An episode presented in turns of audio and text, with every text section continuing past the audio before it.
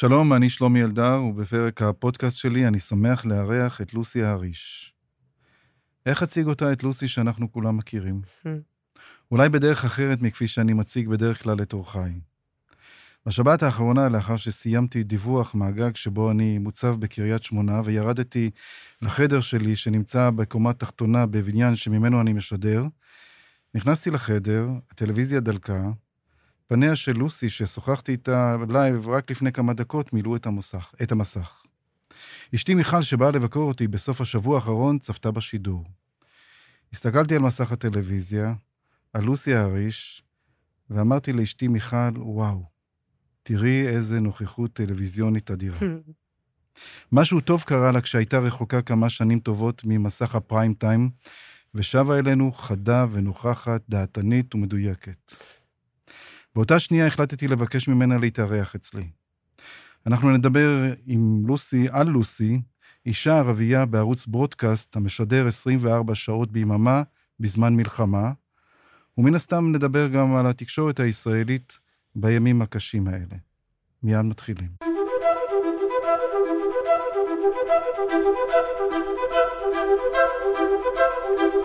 הפודקאסט של שלומי אלדר, מבית אול אין, הבית של הפודקאסטים.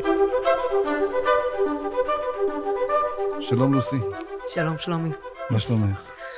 אה, טוב, וואחד פתיחה, אתה יודע, זה... את יודעת, אצלי הכל בא מהלב. אני יודעת, אני יודעת. אתה יודע גם שמבחינתי אתה אורים ותומים אה, להרבה מאוד, אה, בכלל ל- לתחום הזה, ולמה זה באמת להיות עיתונאי שמדבר מהלב ומדבר אמת, ו- ומשדר באסכולה הישנה. כן. אה, שהיא לא האסכולה החדשה הזאת, שאתה יודע, היא נורא מיידית ונורא שטחית. ו...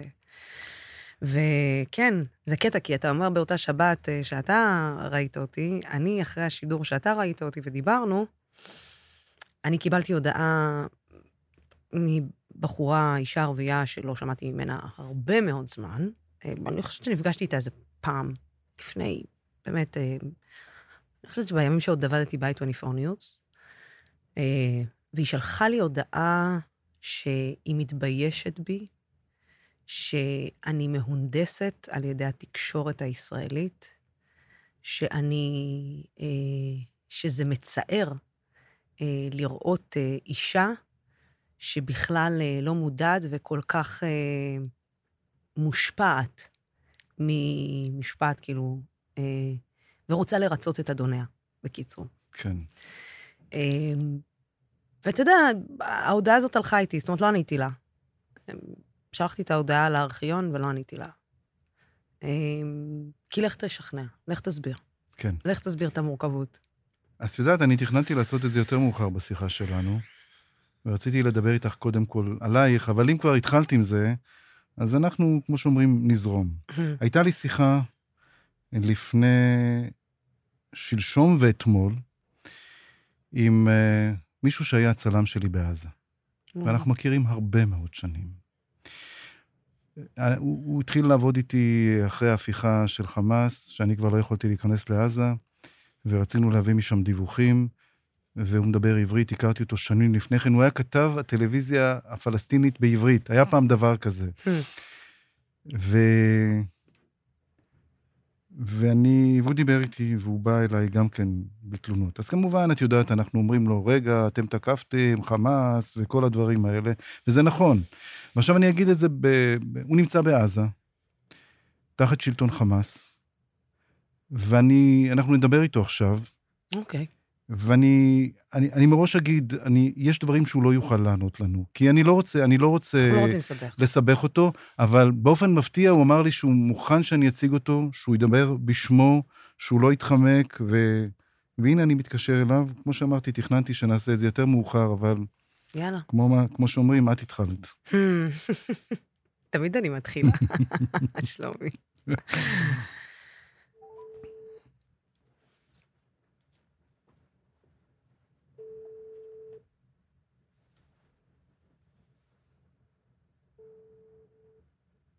כדי שהוא יענה לנו לשיחה, הוא צריך לעמוד הלו. בגג. שלום מועין, אה, שלום. מה שלומך? בסדר. טוב, זו שאלה אה, רטורית, מה שלומך, ואתה עומד, אומר בסדר. אנחנו נמצאים באולפן, ואיתי נמצאת אה, לוסי אריש. שלום, מועין. שלום, שלום. מה שלומך? מה שלומי? אני יכול להגיד, אולי יהיה פעם בסדר, אני לא יודע. אז פה רגע אני אעצור אותך שנייה אחת לפני שנתחיל את השיחה. אני רק חייב להגיד, במשך שנים, תמיד כשהייתי מדבר עם מועין, אז הוא תמיד היה מסיים את השיחה, יהיה טוב. וכל פעם היה אומר, יהיה טוב, ואני הייתי הפסימי, והוא חיפש אה, איזה סוג של אופטימיות. ועכשיו אני שומע שהוא כבר לא אומר, יהיה טוב. מתישהו. אולי מתישהו. נכון. מועין, זה אנחנו... קשה. מה, ש, מה שקרה כבר שינה את כל, כל הערכים וכל מה שיש לי בראש, לא רק אני, אלא הרבה אנשים כמוני שהם נתונים ואוהבי אוהדי שלום, כבר לא יודעים יהיה בכלל שלום. והייתה הזדמנות שיהיה פעם, אבל לצערי הרב, אחרי מה שראיתי ומה שחייתי פה וחוויתי במשך שלושה חודשים כמעט, אז אני צריך, אני לא יודע, לא יודע מה להגיד לך, כבר כולם, כולם אה, צריכים אה, טיפול אה, נפשי. אם אה, נצא מהמלחמה בחיים, אה, עד שתיגמר המלחמה ונישאר בחיים. אני רק רוצה להגיד משהו לפרוטוקול, ומועין, אתה אל תענה. כי כמו שדיברתי עם לוסי קודם, אנחנו באמת לא רוצים לסבך אותך. אבל אתה יודע שהמלחמה הזאת התחילה בעקבות טבח נוראי של חמאס. ואתה אתה דיברת... כן. אמרת משהו? אמרתי, אתה צודק, טבח נוראי, וזה לא מקובל. אבל אם אנחנו רוצים לחזור לסיבות של הטבח הזה, לחזור כמה שנים אחורה ולהסתכל כמה שנים אנשים, אנשים סובלים אה, בעזה או בגדה. אה, והממשלות של ישראל האחרונות בראש אה, כבודו נתניהו, מה הוא עשה? לשני הצדדים, לנו ולכם. אה, הוא שם, לא שם קץ מההתחלה, והוא רצה להפריד בין עזה לבין הגדה, אה, תמורת להישאר על הכיסא שלו כל הזמן, והוא נלחם, ועד הרגע הזה הוא נלחם כדי להישאר על הכיסא שלו. טוב, אנחנו לא ניכנס, מועין, לא ניכנס לפוליטיקה, אנחנו בהחלט כן. רצינו לשמוע יותר על המצב שלכם בעזה. ואתה באת אליי בתלונות על התקשורת הישראלית, ולכן רציתי לדבר איתך. נכון, כשאני שומע כל יום, אה, כמעט כל יום, ארבע-חמש שעות, רק תקשורת ישראלית, אני לא שומע, לא אף אחד שמייצג את הצד השני, ולא שומע מה לא מראים ולא משמיעים בישראל, מה הצה"ל עושה בעזה, ואיך אנשים סובלים. נכון שאתם מראים אה, חלק, או אה, מה שהצנזורה מאשרת לכם להוציא לפרסם. אבל אנחנו בינינו גבול, בינינו גדר, ואף אחד לא, לא מראה מה שקורה אצלנו בעזה. תשמע, קודם כל, עד עכשיו כמעט 20 אלף הרוגים, ויש כמעט עשרת אלפים הרוגים שהם נמצאים מתחת ההריסות, שאף אחד לא יכול להוציא אותם. אני לא שמעתי שבתקשורת ישראלית שאומרים אפילו מספר הגבורים האלה שנהרגו. כל בן אדם שמת הוא מולדת בשביל, בשביל ההורים שלו ובשביל המשפחה שלו. לא חשוב מי, מי זה, יהודי או ערבי, אלא זה בן אדם. מי שנהרג הוא מולדת. הוא כל דבר גדול בחיים של המשפחה שלו. כן.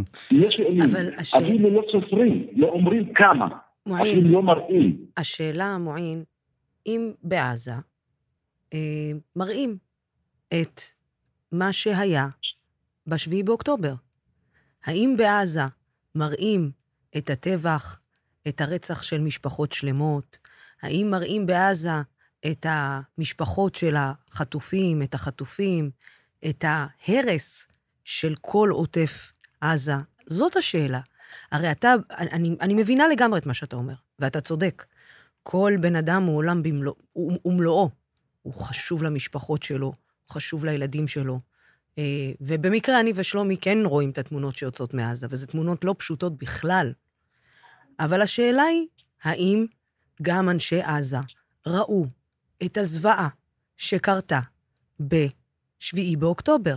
האם אנשי עזה ראו גופות של ילדים יהודים? האם אנשי עזה ראו את הוידאו ששאלו בחור ערבי מירושלים, אם הוא ערבי, אתה מירושלים, אתה ערבי, אז אתה משת"פ והרגו אותו וירו בו? זאת השאלה.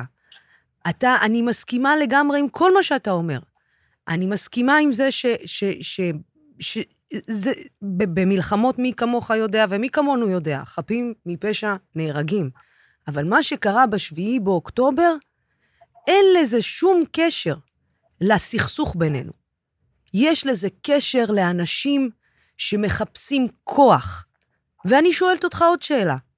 הקולות האלה, כשאני רואה עיתונאים, ואתה בא בטענה לעיתונאים הישראלים ולתקשורת הישראלית, כשאנשים בעזה עומדים מול עיתונאי ואומרים ומקללים את סינואר, ומקללים את חמאס, ומקללים את האנשים, ומשתיקים אותם, האם זאת עבודה של עיתונאי? האם העיתונאים שם עושים את העבודה שלהם בלהראות את הקולות של האנשים שסובלים ולא מקבלים את העזרה ההומניטרית שנכנסת לעזה, וחמאס משתלט עליה? זאת השאלה. האם רק אנחנו, לצורך העניין, אשמים בזה שאנחנו לא מראים? האם האנשים בעזה לא מגיע להם להשמיע את הקול? סליחה, את- אני, אני עכשיו מתבלבל איך לענות לך, אתה דיברת בהרבה דברים ואני צריך לעשות סדר ולדבר. אין בעיה, אני- מקשיבה, אנחנו מקשיבים.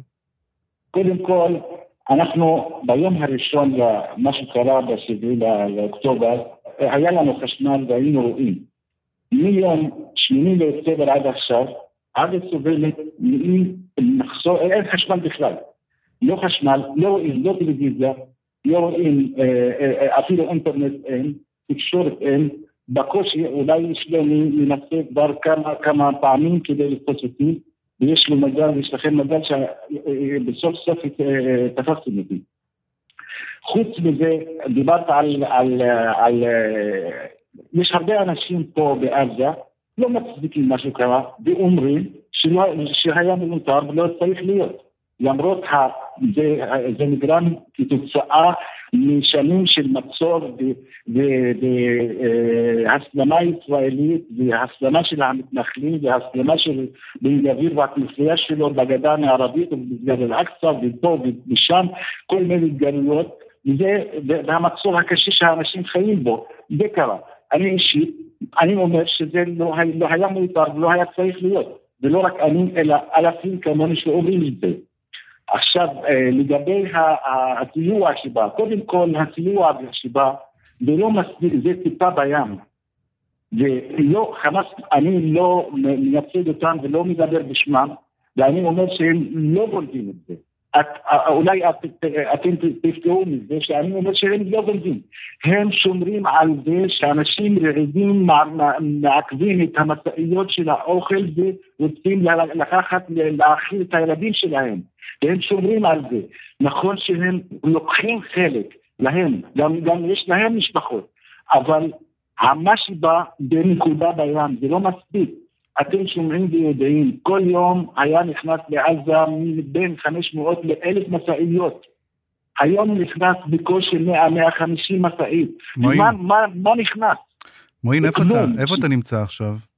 אני נמצא בבית, אני מהבוקר רוצה לצאת ואני התעכבתי כדי לנהל את השיחה איתכם כי אני רוצה ללכת לחפש, לחפש אם יש משהו לקנות בשוק. אין. 99 אחוז מהדברים הבסיסיים בעזה אין. אוכל אין. אה, סוכר אין. אורז אין. טיטולים לילדים אין, חלב תינוקות אין, תרופות, תרופות, לח... אשתי חולת לחץ, אני כבר עשרה ימים כל יום הולך לעשר בתי מרקחת כדי להביא את התרופה, אין, ומחלות סוכר, כל דבר בעזה אבוד, אין שום דבר, חוץ מההרס הגדול, שלומי בעזה, ברצועת עזה, מבית חנון עד רפיח, עד הגבול. אין, אין סמטה, אין זווית, אין רחוב שלא הוגז. בכל מקום. אומרים בעזה נכון שמשהו גדול מאוד היה בעזה, עזה כבר, כבר הרוסה. אבל בח'אן יונס, ברפיח, באזור המרכז, הכל, כל רחוב, יש אני- הפגזות. אני שאלתי- בית, על ידו נפגע חמישה בתים. כן, שמעת? אה, אני, כן, דיברנו על זה דיברנו קודם, על זה. שאני סיפרתי כאן לפני שהתחלנו, שהאנשים שאני דיברתי איתם, שבית שמופגז או מופצץ על ידי צה"ל כדי לחסל מבוקשים, אני שמעתי למשל מאדם שאנחנו אה, מכירים, סלים אבו ספיה, שסיפר לי שהמשפחה שלו כולה נהרגה, הוא נמצא אגב ביריחו, כי הטילו פצצה להרוג מישהו אני לא שומע שהשתתף. טוב, שלומי. סלים אבו ספיה, מישהו שגם אתה מכיר, היה פעם מנהל המעברים, סיפר לי, כן, כן, הוא סיפר כן. לי שהמשפחה שלו נהרגה, הם לא היו יעד, הם לא, לא- לא ירו בהם ב, כמטרה, אבל הם נהרגו מההדף. אבל אני שואל אותך, איפה אתה, כשהתכוונתי לשאול אותך איפה אתה גר, איפה אתה נמצא פיזית עכשיו בעזה. אני, אני אה, במקור מעיר עזה. יצאתי אחרי המלחמה ב-15 ימים לאזור הדרום, כפי שביקשו צה"ל לצאת, ויצאתי לאזור הדרום, ואני נמצא באזור הדרום כבר יותר, יותר מ-50 ימים, אולי 55 ימים, אני ומשפחתי, ולמזלי הטוב, אני נמצא אצל חבר שנתן לי לגור כבן אדם, נכון חסר לי הרבה דברים, אבל אנחנו יצאנו בקיץ, קיץ, בבגדי קיץ, ופה אה, הגע- הגענו לכאן בלי תמיכות, בלי אפילו אה, אה, לבוש אה, חורפי. אה, אני הולך לשוק כדי, כדי לקנות, אין, אז אנחנו יושבים בקור. אני, יש לי מזל טוב, מזל גדול מאוד וטוב מאוד, שאני חי כמו בדירה, אבל אני כשיוצא לרחוב ורואה את האנשים החיים מתחת, מתחת אה, לגשם, בקור, בחולות, אפילו אוהל ולא אוהל.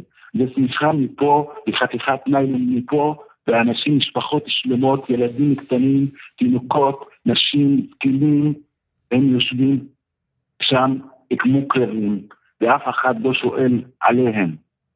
ואפילו יש להם מחסור בכל דבר. אתה רואה על יד בית ספר של אונרווה למשל, יש לפחות בין 20 ל-30 אלף בני אדם שנמצאים שם, כמו יום הדין. אתה רואה ביוב ברחובות, אין להם מים לשתות, אין להם אוכל, אפילו אמרתי על הסיורים והמזון שבא, זה לא מספיק, זה נקודה. אתה יודע כמה מחלקים כל יום פיתה לבן אדם, פיתה אחת קטנה, וכל יום קופסת טונה, טונה, כל, כל, יום או כל יומיים, קופסת טונה למשפחה. פיתה לבן אדם וקופסת טונה למשפחה. עזה סובלת מתת תזונה עכשיו. אני אישית סובל, והמשפחתי, שאני חי טוב, סובל מתת תזונה. יש לי כסף בכיס, אין לי מאיפה להביא אוכל. אנחנו לא רוצים, אני וכמוני אלפים לא רוצים את הסיועים האלה שיבואו. אני, אנחנו רוצים שיביאו סחורה לסוחרים שנקנה. יש לי את הכסף, רוצה לקנות, אבל אין. אנשים שאין להם כסף, תנו להם את הסיועים, תנו, תנו, תנו להם את, העזרות. כן. זהו, נכון. כן, כן. אני, אתה יודע, זה, זה לא פשוט לשמוע את הדברים האלה. זה לא פשוט לשמוע את הדברים האלה. ואתה יודע, בזמן שאני שומעת על אנשים רעבים בעזה ואין להם בתים והם מתחת לאוהלים, כן, מועין, סליחה. אני רוצה לחזור לדבר אחד שאמר אמר שלום, שהם הורגים ומפגיזים מבוקשים. ברחוב שאני גר בו עכשיו, איפה שאני יושב, הבית החמישי מהבית שלי הופגז מול העיניים שלי. אני כל יום הולך מהרחוב הזה בבוקר, כשהולך לשוק לחפש לי משהו לאכול, אני ולמשפחתי. רואה, אני מכיר את האנשים שיושבים שם, אנשים, פקיד, אחד פקיד במשרד העניינים האזרחיים בעזה, ואין לו שום קשר, לא פה ולא שם. הוא ברח מעזה, הגיע למשפחתו, הבית היה בתוכו מאה בני אדם. נהרגו שמונים, נהרגו שמונים בני אדם. ואני ראיתי במו עיניי, ראיתי איך, לא רוצה להגיד לך את התמונות שראיתי מול העיניים שלי, מאותו יום עד עכשיו אני כבר לא, לא בסדר, לא מרגיש טוב. אז המון חפים מפשע הולכים סתם. למה? חיילי ישראל יש להם הטכנולוגיה העליונה שנמצאת בעולם. הם אה, מתגאים, מתגאים בזה. למה הורגים אנשים? אנחנו חושבים, אני חושב שזה מעשה נקמה. נכון, נקמת שבוע ימים, מספיק. שב בשקט ותחשוב איך לעשות את העבודה שלך. אתה ככה הורג 75 אחוז מההרוגים הם ילדים ונשים. כן. 75 אחוז אני אשאיר, אני, אני אגיד לך, ואנשים. שאלה כן. אחת. אתה יודע, ואנחנו נשאיר אותה פתוחה. כשחמאס החליט שהוא יוצא לפעולה הזאת, מה הוא חשב שיקרה? נכון. אתה יודע, מועין, אני אמרתי שאני לא רוצה באמת לסבך אותך, כי אתה שם בעזה, אבל אני אגיד אני משהו... לא ונ- יודע, אני לא רוצה, לא אני- אני- אני לא- אני- אני- אני חושב שהם לא ידעו שיגיעו עד לאן שהגיעו, זה דבר ראשון. כן. דבר שני, אין דבר אני- כזה. כשאתה אין דבר יוצא, כזה. אין דבר אז כזה, הרגת, מועין. ב- לא הרגת 1,200 או 1,400, הרגת 500. חמש. 500, בדיוק. כן, זה אין דבר אין כזה. בזה הבדל. אין הבדל. אבל מועין, אני באמת לא רוצה להיכנס נכון, איתך. אין הבדל. אני אומר פה, בעזה, אנשים כמוני, אלפים כמוני, אמרו שאנחנו, לא, היה, זה היה מותר, מיותר, לא היה צריך להיות. אתה יודע, אני חושבת כאישה, אתה יודע, גם כאישה ערבייה וגם כאישה מוסלמית, התמונה שאני לוקחת מזה, מכל מה ש... אה, מכל היום הזה יש תמונה אחת, של שני לוק, הילדה, זרוקה מאחורי טנדר, כשאנשים יורקים על הגופה שלה, אחרי שאלוהים יודע מה עשו לה. וזה, מי שעושה דבר כזה, יודע טוב מאוד מה יבוא עליו. כן. וזה אני- זה, זה אני- התמונות שאתה צריך, אני, אני, אתה יודע, אני עוד פעם, אתה מתאר תמונות והן חרוטות לי בראש ואני מנסה לדמיין את זה וזה נורא. אבל מהצד השני, יש עם שלם שאלו התמונות שחרוטות לו נכון. בראש. וזה בעיה, ואתה יודע מה, אתה התחלת כן. ואמרת, אולי מתישהו יהיה בסדר? מתישהו אנחנו מקווים שיהיה אני בסדר. רק רוצה אולי אני- לסיים. אני, אני רוצה, אני רוצה ל- ל- להגיד על זה. בוא נגיד שאלה אנשים אה, שהם אין להם דין ודיין ועשו מעשים קשים מאוד ואף מוסלמי ויהודי ונוצרי לא מקבל אותם. למה ממשלת ישראל ומדינת ישראל הגיבה באותו, באותה צורה? ממשלה, מדינה דמוקרטית, מנפנפת, כל שני וחמישי שאנחנו המדינה הדמוקרטית היחידה במזרח התיכון. למה היא הגיבה כמו, אלה המטורפים? אלה המטורפים, מי המטורפים? מי? מה זאת אומרת הגיבה כמו המטורפים? לא שני הבנתי. צדדים. לא, לא הבנתי לא. מה זה הגיבה מי כמו? המטורפים. מי המטורפים? שעשו את המעשה הזה. כן. מועין, אני רק אסיים את השיחה שלנו. אתה יודע, הייתי יכול לדבר איתך עוד uh, הרבה, ויש לי גם דברים לענות לך, אבל אני לא רוצה להיכנס פה לוויכוח, כי זה לא הוגן שאני, אתה נמצא שם בעזה ואני כאן. אני רק אספר לך משהו. אה, את דוקטור רז סומך, אה, אתה מכיר, דוקטור רז סומך, הרופא מבית החולים אה, שיבא, מבית החולים שיבא, ספרא, שהציל את התינוק שעשיתי עליו את הסרט חיים יקרים. והוא מספר לי שלשום שהוא קיבל טלפון מרופא אחד, שכנראה עובד בשיפא, ואמר לו כמה הוא מתנצל, ושהוא ראה את התמונות האלה, והוא מזועזע, התמונות של מה שעשו חמאס בעוטף עזה, והוא אמר לו, זה לא אסלאם. זה לא אסלאם, מה שעשו. ואמר לו, אני מתבייש. אז אתה יודע, אנחנו יכולים להיכנס כאן וכאן, אבל בהחלט רציתי שנשמע את הקול שלך. ואיך אתה אומר, יהיה טוב? אולי. אולי. אני מקווה שפעם יהיה טוב. מקווה שפעם יהיה טוב. מועין, תודה רבה. אבל זה וואו, מפתיע שזאת השיחה הראשונה, לא? כן. ואתה יודע, אה, אה, לכל דבר יש אה, סיבה. כן. אתה יודע, כל דבר, אה, שום דבר לא קורה בוואקום. אה, אבל אה, תראה, אנחנו, אני לא שופט אותו, הוא נמצא בסיטואציה שהיא בלתי אפשרית. כן. אה, אבל אתה יושב ואתה חושב על זה. ואתה אומר, אה, אתה יודע, הוא, הוא אמר, אה, למה ישראל הגיבה אותו דבר, אני פשוט לא הבנתי למה הוא התכוון, למה ישראל לא הגיבה, אותו דבר. באגרסיביות הוא התכוון. באגרסיביות. כי אנחנו כן. לא, לא, ראי, לא, לא ראינו ראיתי- כלום. כן.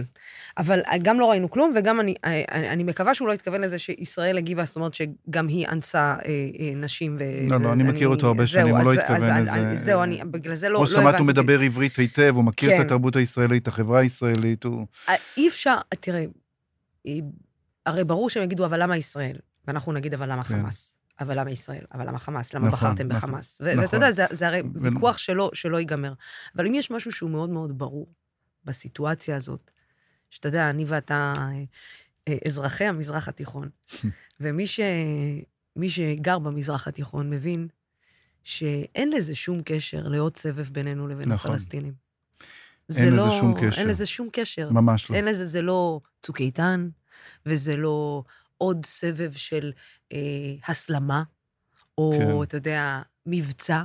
אין לזה שום קשר לכל האירועים שהיו לפני כן. כן. הסיפור פה הוא סיפור אחר לגמרי, וכשאתה שומע, אתה יודע, אנשים שחוזרים, ומילואימניקים שמדברים, אני, אני שומעת אותו, והוא אומר, גם אנשי חמאס לוקחים uh, כדי לחלק לאנשים, ואני, ואני שומעת את הסיפורים של אנשי חמאס, איפה הם חיו, ובאיזה כן. וילות, ובאיזה נכון. בניינים, ובאיזה...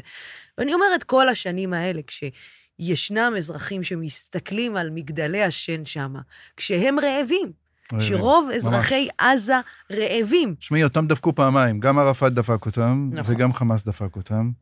אבל רק רציתי להגיד שכשדיברתי איתו ואמרתי לו ששאלתי אותו להעלות אותו לשיחה, והוא אמר, לא אכפת לי, וגם בשמי והכול, אז רציתי להגיד שיש לו הרבה אומץ, באמת. יש לו הרבה אומץ. זה מאוד אמיץ לעלות ולדבר בשמו. אה, תקשורת ו- ישראלית. תקשורת ישראלית. אה, זה, זה מאוד אמיץ כן. לקום ולהגיד את זה, אבל אתה יודע, יש משפט בערבית שבטח אתה מבין אה, מה אני אגיד, שאנשים באים ואומרים, פיקו בעדק יא רבי. תמות נפשי עם פלישתים. כן, נגמר הסיפור. אני חושבת שזאת ההרגשה שהם חיים בה. שהסיפור הולך להיגמר כך או כך. כן. אה, השאלה מה יהיה ביום שאחרי. זו שאלה טובה, אבל רציתי לשאול אותך על, עלייך. בעצם בעלך בעזה. כן, כן, באתי אחרי אה, יומיים שאני משדרת, אבל בקושי נושמת. אה, וכל אה, הודעה בחמ"ל על צוות מסוים מקפיצה אותי. וכן, זה לא פשוט. לא, אם, אם היית אומר לי לפני עשר שנים שאני אהיה בסיטואציה כזאת, הייתי אומרת לך, "אה, אתה, אתה חי כן. בסרט. אבל כן, זה... זו סיטואציה הזויה. זו סיטואציה אה, ש... אני... התמזל מזלי וחברתי את החיים שלי לאדם אה, שהומניות היא השם השני שלו. אה, אבל גם אהבת הארץ, וגם האהבה למקום הזה. הוא בן 48 והוא לא חייב לעשות מילואים.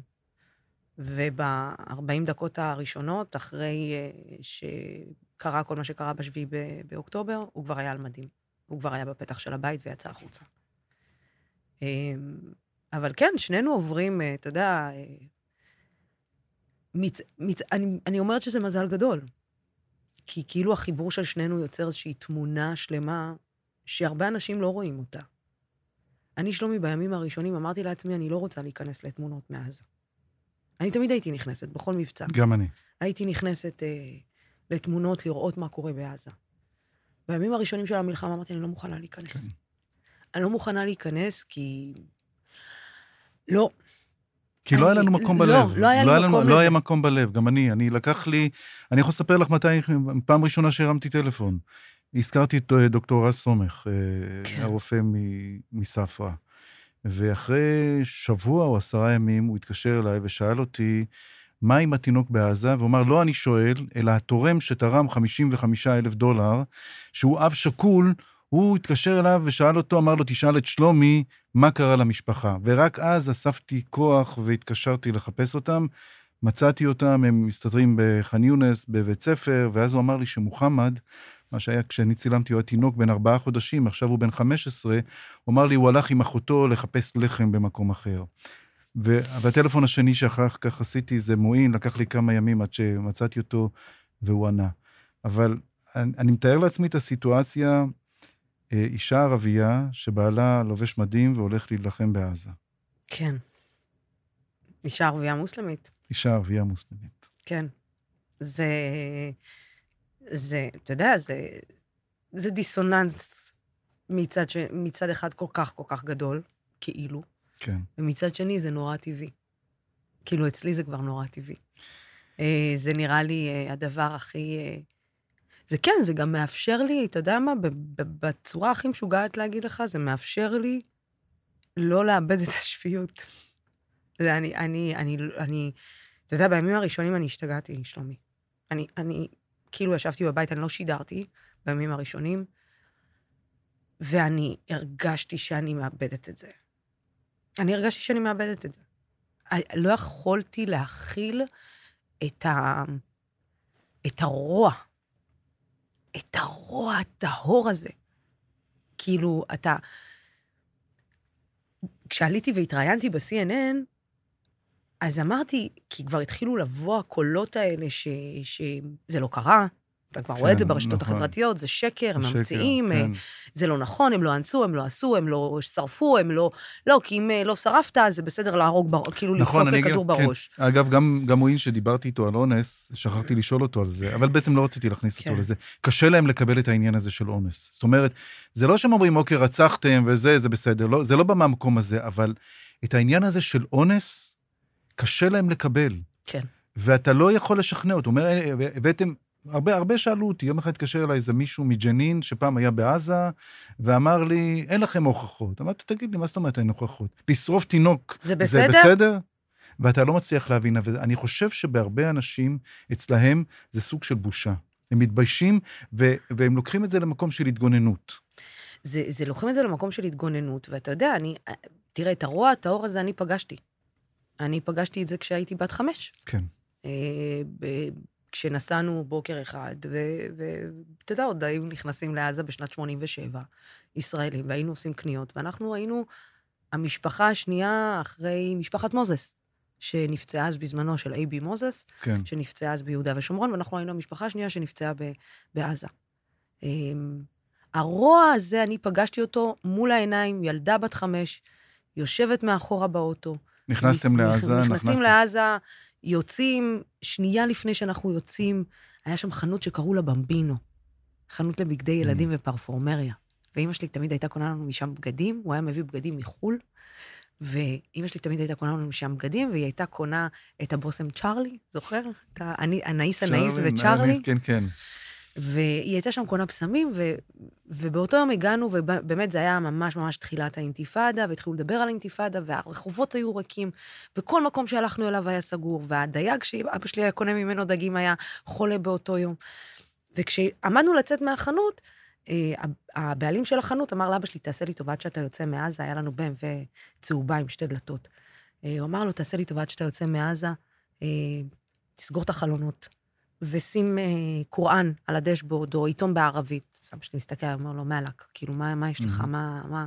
אומר לו, תקשיב, אתה עם איך שאתה נראה, אבא שלי כן. היה בלונדיני עם עיניים כחולות, כאילו, עכשיו הוא, הוא קרח. אבל אנחנו נראים אשכנזים פר אקסלנס. אה, הוא אומר לו, ואתה יודע, יש לך לוחית רישוי ישראלית, יחשבו שאתה יהודי. שים משהו בערבית. ואבא שלי הסתכל עליו ואמר לו, חלי על אללה. ואז נסענו בציר הראשי שם, לכיוון היציאה. אה, בסלאח א-דין. והיה שם פקק, ונעצרנו. והבן של דוד שלי היה לידי, הוא היה יותר קטן ממני בשנתיים. וכולם צוחקים ומדברים, ואני מסתכלת החוצה, ואני רואה שמישהו מתקרב לרכב. ואני רואה אותו והוא מאוד מפחיד אותי. כאילו, הוא נורא מטריד אותי.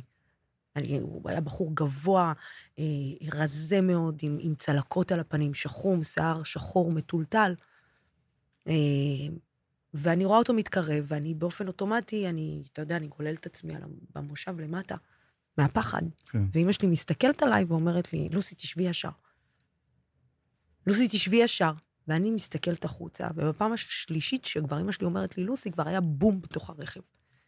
כאילו, הוא הסתכל לי בעיניים. הוא הסתכל לי בעיניים. כי ראיתי אותו, אני הסתכלתי החוצה ולא שמעתי את אימא שלי, והמבט הופנה החוצה. וראיתי אותו מתקרב לרכב, והוא נצמד לרכב, והוא הסתכל לי בעיניים, הייתה לו שרשרת שהיה כתוב עליה אללה, אלוהים. ו- והסתכלתי עליו, ואני אני זוכרת שראיתי את הרוע בעיניים שלו, כי הוא ראה ילדים בתוך האוטו, כן. והוא ידע שהוא הולך לשרוף אותם חיים. הוא ידע שהוא עושה את זה. אז כששמעתי שאנשים אומרים שזה לא אמת, אף אחד לא יגיד לי שזה לא אמת. אני, הפנים שלו לא יוצאות לי מהראש מאז. משנת 87 הפנים שלו לא יוצאות לי מהראש. ואז, אה, אחרי כמה חודשים, ביקשו מאבא שלי אה, לבוא ולזהות אותו, כי אני היחידה שראתה אותו. כן. ואז אבא שלי אמר, אה, גם אם יגידו לי אה, שכנראה תפסו אותו, אז, אז אבא שלי אמר, אמר להם, במשטרה, אמר להם, גם אם יגידו לי שאבא שלי קם לתחייה והוא הולך על שתי רגליים בעזה, אני לא חוזר לעיר הזאת. בחיים. קראתי באחד הראיונות שנתת פעם, שאמרת שאת אה, היית רוצה לראות אותו. כן. הייתי רוצה לפגוש את הבן אדם הזה. למה? הייתי, למה? לשאול אותו על אותו רגע. ראית ילדה בת חמש, ראית ילד בן שלוש, ראית זוג הורים, וידעת שאתה הולך לשרוף אותם חיים, למה? למה? מה, איזה כיבוש או מלחמה אה, כנגד, אה, או לרצון להגדרה עצמית או, או למדינה מצדיק הרג של של ילדים, ילדים. חפים מפשע. למה? כי הם יהודים, והוא היה בטוח שאנחנו יהודים. כן. אני גם uh, חיפשתי במשך שנים מישהו שלא הייתי יכול למצוא אותו. Uh, בספר שלי, אזק המוות, זה היה פתיח של הספר. יום אחד כתבתי סתם משהו לעצמי, וכרמית גיא, שערכה את הספר, את אזק המוות, החליטה שזה יהיה ה... שזה יהיה הפתיחה של שלומי? הספר. אה? לא, אני לא? יכול... שלום. אה, אוקיי, זה לא היה צפוי. זה לא היה צפוי. אה, אני עכשיו מקליט אה, פודקאסט, זאת נורית מגלי צה"ל. אוי, נורית. שרוצה שאני אעלה לשידור, אבל אה, אה, בוא נדבר עוד שעה רגע, בערך. יש עוד זמן, אז מתי אתה מקליט? אני עם לוסי האריש עכשיו, ואני מציע אה, שהשיחה... דרישת שלום. אה, דש, דש חמה. בסדר, אני אדבר איתך עוד שעה, זה נכנס כי אני חיברתי את זה כדי לדבר עם רועין ושכחתי. לכבות, אז נדבר אחר כך. תודה. אז סבבה, אז תהיה איתנו היום. אתה מקריית שמונה, כן? לא, אני עכשיו כבר בתל אביב. אה, אוקיי, אז בכל מקרה תהיה איתנו. טוב, תודה רבה. ביי. טוב, זה לא היה צפוי. כן, אני זה ממליץ. להשאיר גם את השיחה הזאת זה בפנים. גם קורה, זה גם קורה. אז אנחנו הגענו גם כן ב-68, אני זוכר נסענו בפולקסווגן כחולה שהייתה של דוד שלי, 68 זה עוד לפני שנולדת, כן, זה היה נכון. לפני, נכון, נכון. ונסענו אה, ששת הימים, אחרי ששת הימים, ועזה הייתה מלאה ב... באנשים שיצאו אחרי המלחמה למכור כל מה שיש להם. ואז אה, אני זוכר שאח שלי רצה לקנות, היה אספן בולים. והוא עמד מישהו ומכר בולים נדירים, משהו מימי פרוק וזה, ו, ובאותו רגע לא היה לה כסף, ו, ואז הוא הלך לבקש, לחפש את הדוד שלי או את אימא שלי שיביאו לו כסף לקנות את הבולים, ואני נעמדתי על איזה ילד שהיה בן גילי, אני חושב שהייתי בן שבע או שמונה, משהו כזה, ובאנו כולנו יהירים אחרי מלחמת ששת הימים. אז אנחנו דפקנו את הערבים. עומד על ידי הילד בן גילי, ואני מתחיל לשאול אותו, תגיד, אתה אוהב את אום כולתום? עכשיו, הוא לא היה מפגר, הוא הבין למה אני חותר. לא, שאלתי אותו בעצם קודם, אתה אוהב את עבד אל-נאצר? והוא ניסה לחמוק מן השאלה, ולא ענה לי. ואני כמו אחד עם שוט כזה שעומד עליו, ומקשה עליו, אתה אומר לו, אום כולתום? למה אום כולתום? כי אימא שלי הייתה שומעת אום כולתום, ואחרי המלחמה הפסיקה לשמוע אותה, כי אמרה, היא הייתה זמרת המלחמות. ואז הוא אמר לי, יעני. אמר לי, יעני, ואני התחלתי לקלל אותו דברים שאני לא רוצה להגיד פה, והוא הרים את ידו לחבוט בי, ממש, רצה להחטיף לי סטירה. הייתי קטן ורזה כזה, ואח שלי בדיוק הגיע, שהלך להביא את הכסף לבולים, תפס לו את היד, וככה לא כתבתי את הבוקס בפנים. וכל הזמן שאלתי את עצמי, אני לא הבנתי את, ה... את המצוקה הזאת של אנשים רעבים שיצאו למכור כל מה שיש להם. ובמשך כל השנים אמרתי שאני מחפש את הילד הדמיוני הזה, שלא היה לי שום סיכוי למצוא אותו. ותהיתי מה קרה לו. האם הוא התגייס לפתח, לחמאס, האם הוא חי, האם הוא מת, איפה הוא חי. והיה עוד ילד אחד שחיפשתי אותו פעם, עשיתי פעם כתבה, סליחה שאני גולש לעצמי, בטח, אבל ברור, זה כאילו, ברור. זה מתבקש. מתבקש. אה, אחת הכתבות הכי אה, אה, פורצות דרך, נקרא לזה, שעשיתי בערוץ הראשון, הייתה על ילדי האינתיפאדה. ילדי האינתיפאדה הראשונה. הזאת. יום אחד קראתי ידיעה בעיתון שרוב הנפגעים מירי צה"ל הם ילדים, ולא הבנתי למה. והחלטתי ללכת לעשות כתבה, וזה היה, היה שונה באינתיפאדה הראשונה ללכת לעשות כתבה, והתברר שדווקא הילדים הם היו הלוחמים, כאילו, הם היו זורקים את האבנים. ועשיתי כתבה שניגשתי פעם ראשונה, ואני זוכר שאפילו קיבלתי סיוע מדובר צה"ל, שליוו אותי לתוך בית החולים שיפא. זה לא יאומן, אני חושב על זה היום, זה בלתי נתפס, כי היה שרון גרינקר, הוא היה דובר צה"ל, פיקוד דרום, אהלן שרון, אני זוכר אותך, אתה רואה? והוא אמר לי, אני לא נותן לך ללכת לשיפא לבד, ואשכרה ליוו אותי חיילים לבית החולים שיפא כדי לראות פצועים פלסטינים מירי של צה"ל. זה בלתי נתפס. וואו. והיה ילד אחד בכתבה שראיינתי אותו על יד מחסום ארז, והוא אמר, מוטה, מוטה, היי היי חייתנה, מוות מוות, אלה החיים שלנו. יעני הק מי הק, נחנה כולנה מתים. ילד בן שמונה מדבר כמו אישה זקנה. ארבע שנים אחר כך אה, החלטתי לחפש את אותם הילדים. מצאתי את רובם. את הילד הזה לא מצאתי. אז אני לא יודע, מת, לא מת, או סתם פשוט לא מצאתי, אבל אני זוכר שהסתובבתי עם, עם מכשיר אה, וידאו ביד, עוד לא היו הטלפונים המשוכללים האלה, והראיתי לאנשים את התמונות של הילד, איפה זה ואיפה זה, אותו, אותו לא מצאתי. כן, אתה רוצה לפעמים לסגור מעגל. אתה כן. רוצה... אתה מחפש תשובות. כן, אה, במיוחד שאתה גדל בצורה מסוימת, אה, ובשכונה מסוימת. אה, אתה מחפש להבין בעיקר. אני חושבת שזה גם מה שאנחנו מחפשים בימים האלה, להבין. כן.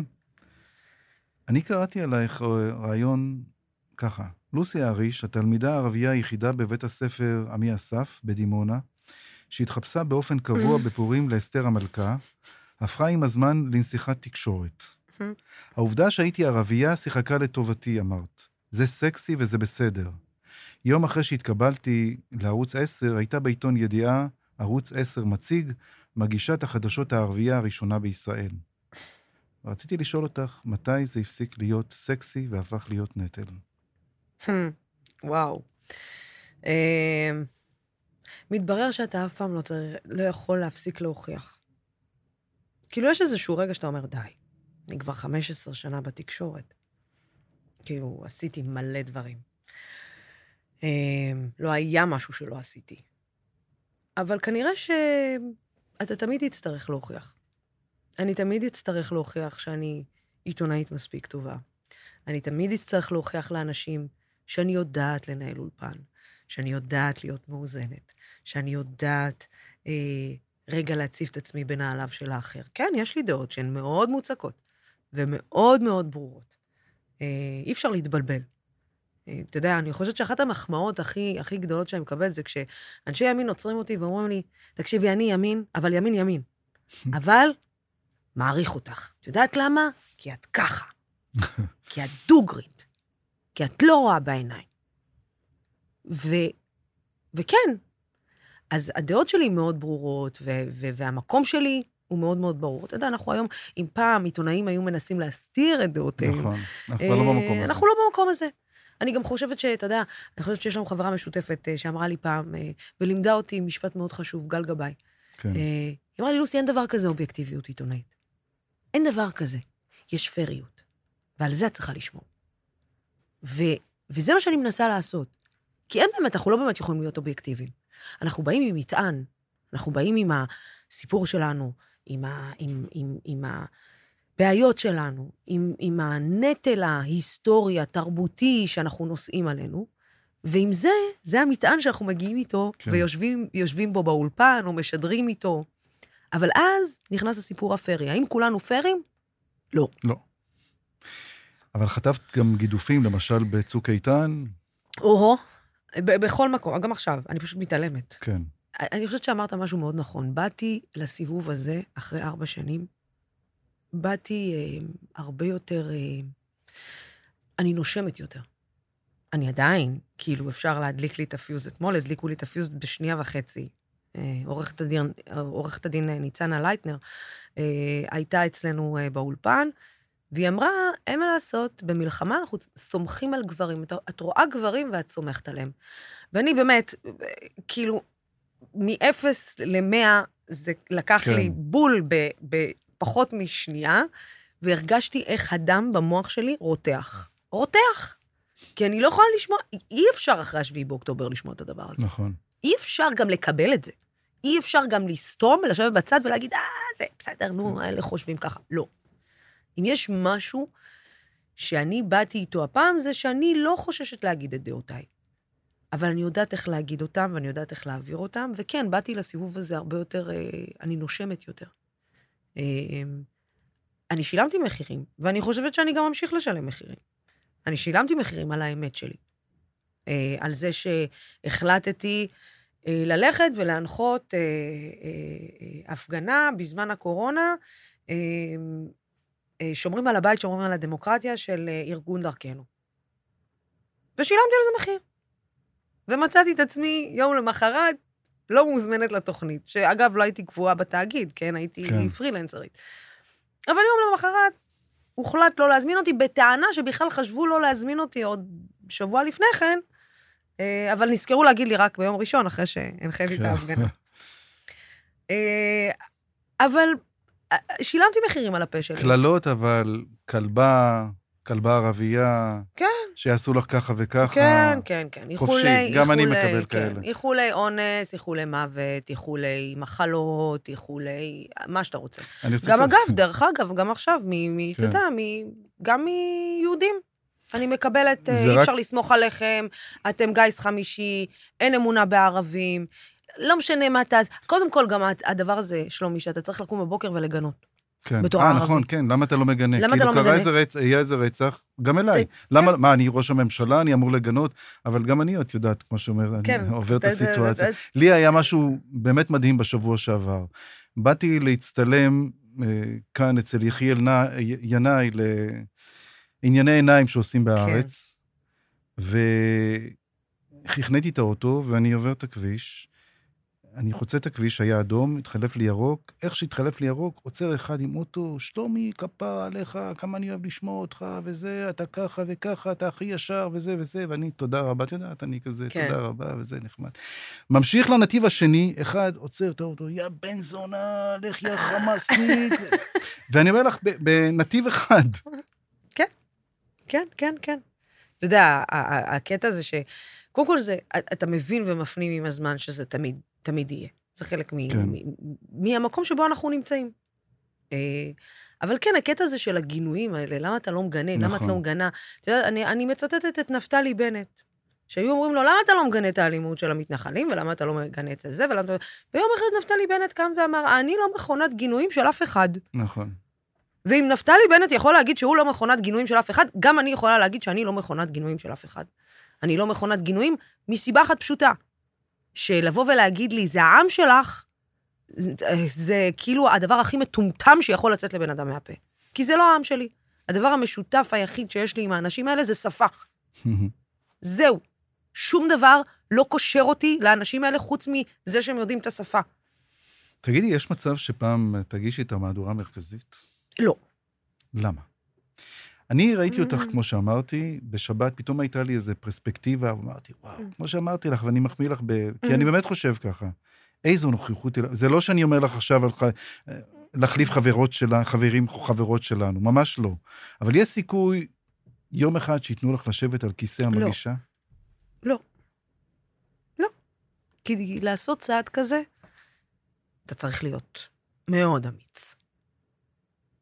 להחליט שאתה שם, וכן, אני אשים את זה על השולחן, בחורה ערבייה מוסלמית, שתגיש את המהדורה המרכזית באחד מערוצי הברודקאסט של ישראל, אתה צריך, אה, זה, זה אומץ. זה אומץ כן. כן. שאתה, בתור מנהל של, אתה יודע, של כל גוף, אה, אתה צריך שיהיה לך, במיוחד גוף טלוויזיוני.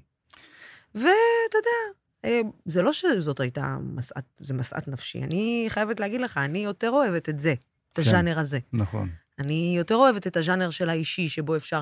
ואני גם, מה אני אגיד לך, שלומי, אני לא יכולה להיות חנותה בחליפה כל יום עם דיבור נורא עמוק, ולהגיד, אנחנו חוזרים עוד שנייה אחרי כן, הפרסומות. ל... אני לא יודעת, אני לא, אני לא שמה. אני עוברת לפרסומות, אני אומרת להם, אני אומרת לצופים שלי, דיר באלק, תעברו לערוצים המתחרים, אני מחכה לכם פה מעבר לפינה. כי ככה אני מעבירה לפרסומות. אתה לא יכול לעשות את זה במהדורה מרכזית. ממש לא. אז אם מדברים על אומץ, אה, אולי זה בעצם לא עניין, חששות. הנישואין שלך לצחי. ואני, את יודעת. דפדפתי, לא הייתי פה הרבה שנים, כמו שאת יודעת, אבל עשיתי קצת תחקיר אתמול בלילה בשלוש לפנות בוקר, וקראתי רעיון שהיית, בעצם לא רעיון, זה ציטוט ממשהו שהיה בערוץ, אה, בערוץ 12, פגישה. כן. ומאיה הלוי, אחותו של צחי, סיפרה, מה שהכי אולי הדאיג את צחי, זה פחות הסביבה, כי צחי לא מתעסק בסביבה. זה יותר הב- הבן שלו והקבלה של זה, וזה אבא, כלומר האבא. כן. בגלל האבא שלא יקבל את לוסי בתור לוסי. כמו שהספקת להבין, הוא אבא שרואה 20 צעדים קדימה.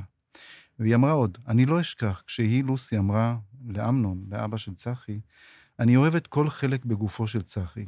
אני בכיתי. גם אביו של השחקן אמנון, שהתראיין, כנראה, סיפר, פה בקטע הזה אני נכנעתי. האבא אף גילה כי אם בנו לא יינשא ללוסי, מבחינתו לא יינשא כלל, וזה היה האולטימטום שהציב וגרם להוריו לקבל זאת. וזה היה להם קשה. היה לא פשוט. זה היה לא פשוט. תקשיב, אני... אני אוהבת את זה שכשאני מספרת סיפור, אומרים לי, באים אנשים ואומרים לי מהצד, אה, מה, הגזמת, מה, קלה כמוך? עכשיו אני מקבלת, מה זאת אומרת? מה אתה, מי חושב על זה בכלל? זה לא נכון. ואז אני אומרת, רגע, שנייה.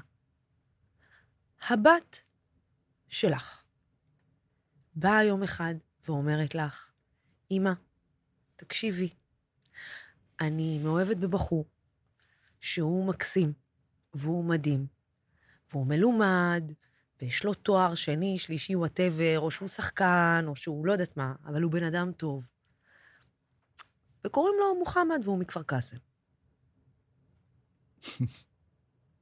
עכשיו, אתה ישר, באופן אוטומטי, אתה קולט את הבן אדם שמולך, כן. בולע את הרוק. עכשיו, הוא יכול, והוא נראה טוב, והוא כאילו מדבר עברית צחה, אבל קוראים לו מוחמד והוא מכפר קאסם. זה יעבור ככה? כאילו, לא תעצרי ותגידי, וואו, וואו, וואו, וואו, וואו, וואו, וואו. גם אם אתה בן אדם הכי ליברלי, הכי פתוח, הכי זה... כי אנחנו לא גרים בשוודיה, ואנחנו לא גרים ב... בשוויץ, אנחנו לא גרים בארצות הברית, אנחנו גרים פה, במזרח התיכון. כן. ותראה, אני, התגובה של אבא שלי נורא הפליאה אותי. מאוד. זאת אומרת, אני הייתי בטוחה שאבא שלי, יהיה לו בעיה מאוד מאוד קשה. אה, ואבא שלי מאוד הפתיע אותי. אבא שלי, כפרה עליו, הם הכירו את צחי, אה, כי הם ראו אותו לפני כן, אנחנו, אני וצחי, כאילו, המערכת יחסים שלנו נבנתה, והם הכירו את צחי בתור חבר מאוד טוב שלי. וכשאני באתי ודיברתי עם ההורים שלי, אמרתי לאבא שלי, אני זוכרת שלקח לי שש שעות לפתוח איתו, שש שעות, שלומי, שש שעות, לפתוח איתו את השיחה הזאת. הבאתי את החיות שלי, אמרתי לה, אני צריכה, אני הולכת להגיד את זה לאמא ואבא, ואני צריכה שתהיו איתי, שש שעות הבנות יושבות, החיות שלי יושבות בסלון, חושבת שאף פעם לא סיפרתי את זה ככה, אה, יושבות בסלון ומחכות שאני אדבר. ואני מעשנת, ואבא שלי מעשן, ואני מעשנת סיגריה ועוד סיגריה ועוד שש שעות. ב-12 וחצי בלילה, האחיות שלי כבר מאולפות על, על הספה, רדומות. ואז אני מסתכלת לאבא שלי עם העיניים הירוקות כחולות שלו, ואני אומרת לאבא שלי, אבא, יש לי שאלה. אם אני אביא חתן יהודי הביתה, מה תהיה התגובה שלך? ואבא שלי לוקח שחטה מהסיגריה, של המלבורו אה, אה, אדום, בקופסה של סופט, ו... לא יוצא עשן. פשוט לקח את השחטה ונשארה בפנים. אני רואה את אימא שלי מהצד כזה, מסתכלת כזה, מה הולך לעוף עכשיו? ואז אבא שלי אומר לי, אה, אני ידעתי שמבין כל האחיות שלך, כאילו אנחנו שלוש, את זו שתעמיד אותי בפני הדילמה הזאת. הוא אומר לי, מה את רוצה להגיד לי, לוסי? ואז אמרתי לו, אבא, תקשיב, אתה מכיר את צחי. אמ, אני וצחי מאוהבים, ואנחנו רוצים לקחת את זה צעד אחד קדימה, ואנחנו רוצים להתחתן. ואני רוצה את הברכה שלך, וחשוב לי לדעת מה אתה חושב. ואז אבא שלי אמר לי, תקשיבי, לוסי, אני הכרתי את צחי, ואני יודע שאת לא היית עושה ואומרת ופותחת את הנושא הזה בבית, אם לא היית יודעת שזה הבן אדם. זה לא הולך להיות פשוט. ואני אגיד לך יותר מזה. בגלל שאני מכיר את הבחור, אני יודע שגם אם הייתי מחפש עכשיו בכל החברה הערבית, לא הייתי מוצא בחור טוב בשבילך כמו צחי. ואז הוא אמר לי, אמר, ואז אני מסתכלת על אימא שלי, ואני אומרת לאימא שלי, אמא, מה את אומרת? הוא אומר לי, היא אומרת את מה שאני אומר. אמרתי לו, לא, אני, רוצה לדעת מה היא חושבת. אני כאילו... ואז אימא שלי, כמו אימא שלי, אומרת לי, מה, את חושבת שאני לא ידעתי? אני ידעתי. פתאום היית אומרת לי, הוא היה בא לאכול אצלך דגים. מעניין למה הוא היה בא לאכול אצלך דגים. כאילו, עשית דגים והוא בא לאכול? מה, את חושבת שאימא שלך מפגרת לא מבינה? אה, ואז אבא שלי אמר לי, תקשיבי, לוסי, הולך להיות לי לא פשוט. זה לא יהיה לי קל, כי את יודעת שאני הולך לחטוף. אבל אני מכבד, הוא אומר לי, קודם כל אני רוצה להגיד לך תודה. ואז אמרתי, על מה אבא? הוא אומר לי, על זה שהסתכלת לי בעיניים ולא עשית שום דבר מאחורי הגב שלי. וכיבדת אותי בתור אבא שלך. ועל זה אני יכול לפחות להגיד שחינכתי נכון. וחינכתי טוב. ושתיים, אני הולך לצאת ערבי רק בדבר אחד. אמרתי לו, מה? אמר לי, תראי, צחי ייכנס אליי הביתה, הוא יהיה הבן הרביעי שלי. וככה אני אקבל אותו. אבל אני רוצה לדעת שכשאת נכנסת להורים שלו הביתה, את כמו הבת שלהם, כי אני נותן את היקר לי מכל. ואני רוצה לדעת שמתייחסים אלייך לא כערבייה, אלא כלוסי. ואני רוצה את אבא שלו שיבוא אליי לשיחה. קודם כל, אתה יודע, אני אמרתי לאבא שלי, fair enough. לקח שנה. לקח שנה. כי אני מבינה גם את ה... אתה יודע, את, אה, את אבא של צחי. זה לא פשוט. בוא נגיד שאני הכנתי את ההורים שלי, איך אבא שלי אמר? ידעתי שאת מתישהו תציבי אותי בפני הדילמה הזאת. זה לא משהו שנפל עליי כרעם ביום בהיר. אבל אני חושבת שאבא של צחי, שהוא פנסיונר של המוסד, שהבן שלו הוא יוצא יחידת אה, שמשון ודובדבן, בן למשפחת הלוי, לא חשב שהדילמה הזאת תבוא עם לוסי אריש, ערבייה מוסלמית. הוא חשב אולי ג'סיקה, לא יודעת מה, בראון. בראון אה, מארצות הברית, ואת זה אפשר להחליק איכשהו. והיה לו קשה, ואני מבינה את הקושי שהיה לו, אבל הקושי שהיה לאבא של צחי עבר ביום של החתונה מתחת לחופה. הוא הכין לנו, אה, הוא הכין לנו אה, מכתב שהוא ביקש לפני שנכנסנו לחופה לקרוא אותו בבית.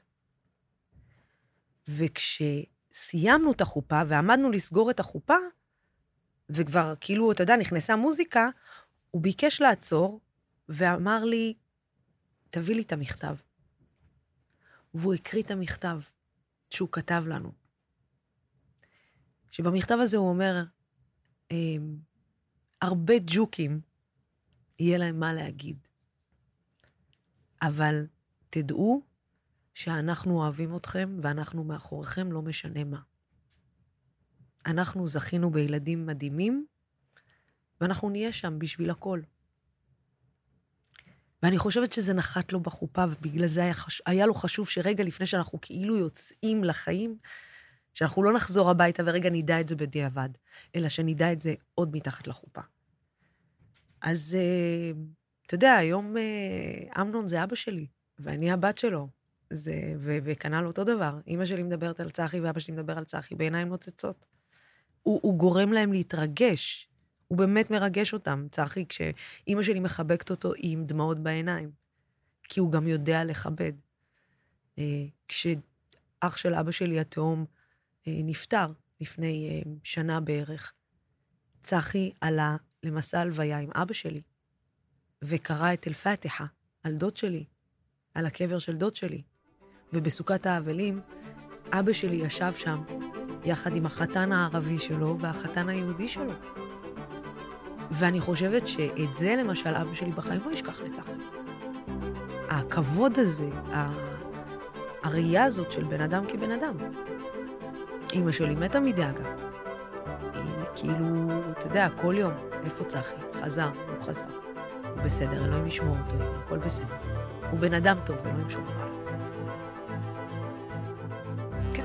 בנימה זאת, אנחנו נסיים. שלומי, איזה כיף איתך. היה ממש כיף. גם לי. כבוד גדול גם. אני. חושבת שחיכיתי לזה הרבה זמן. כן. טוב. תודה רבה, ליסי. תודה רבה, שלומי.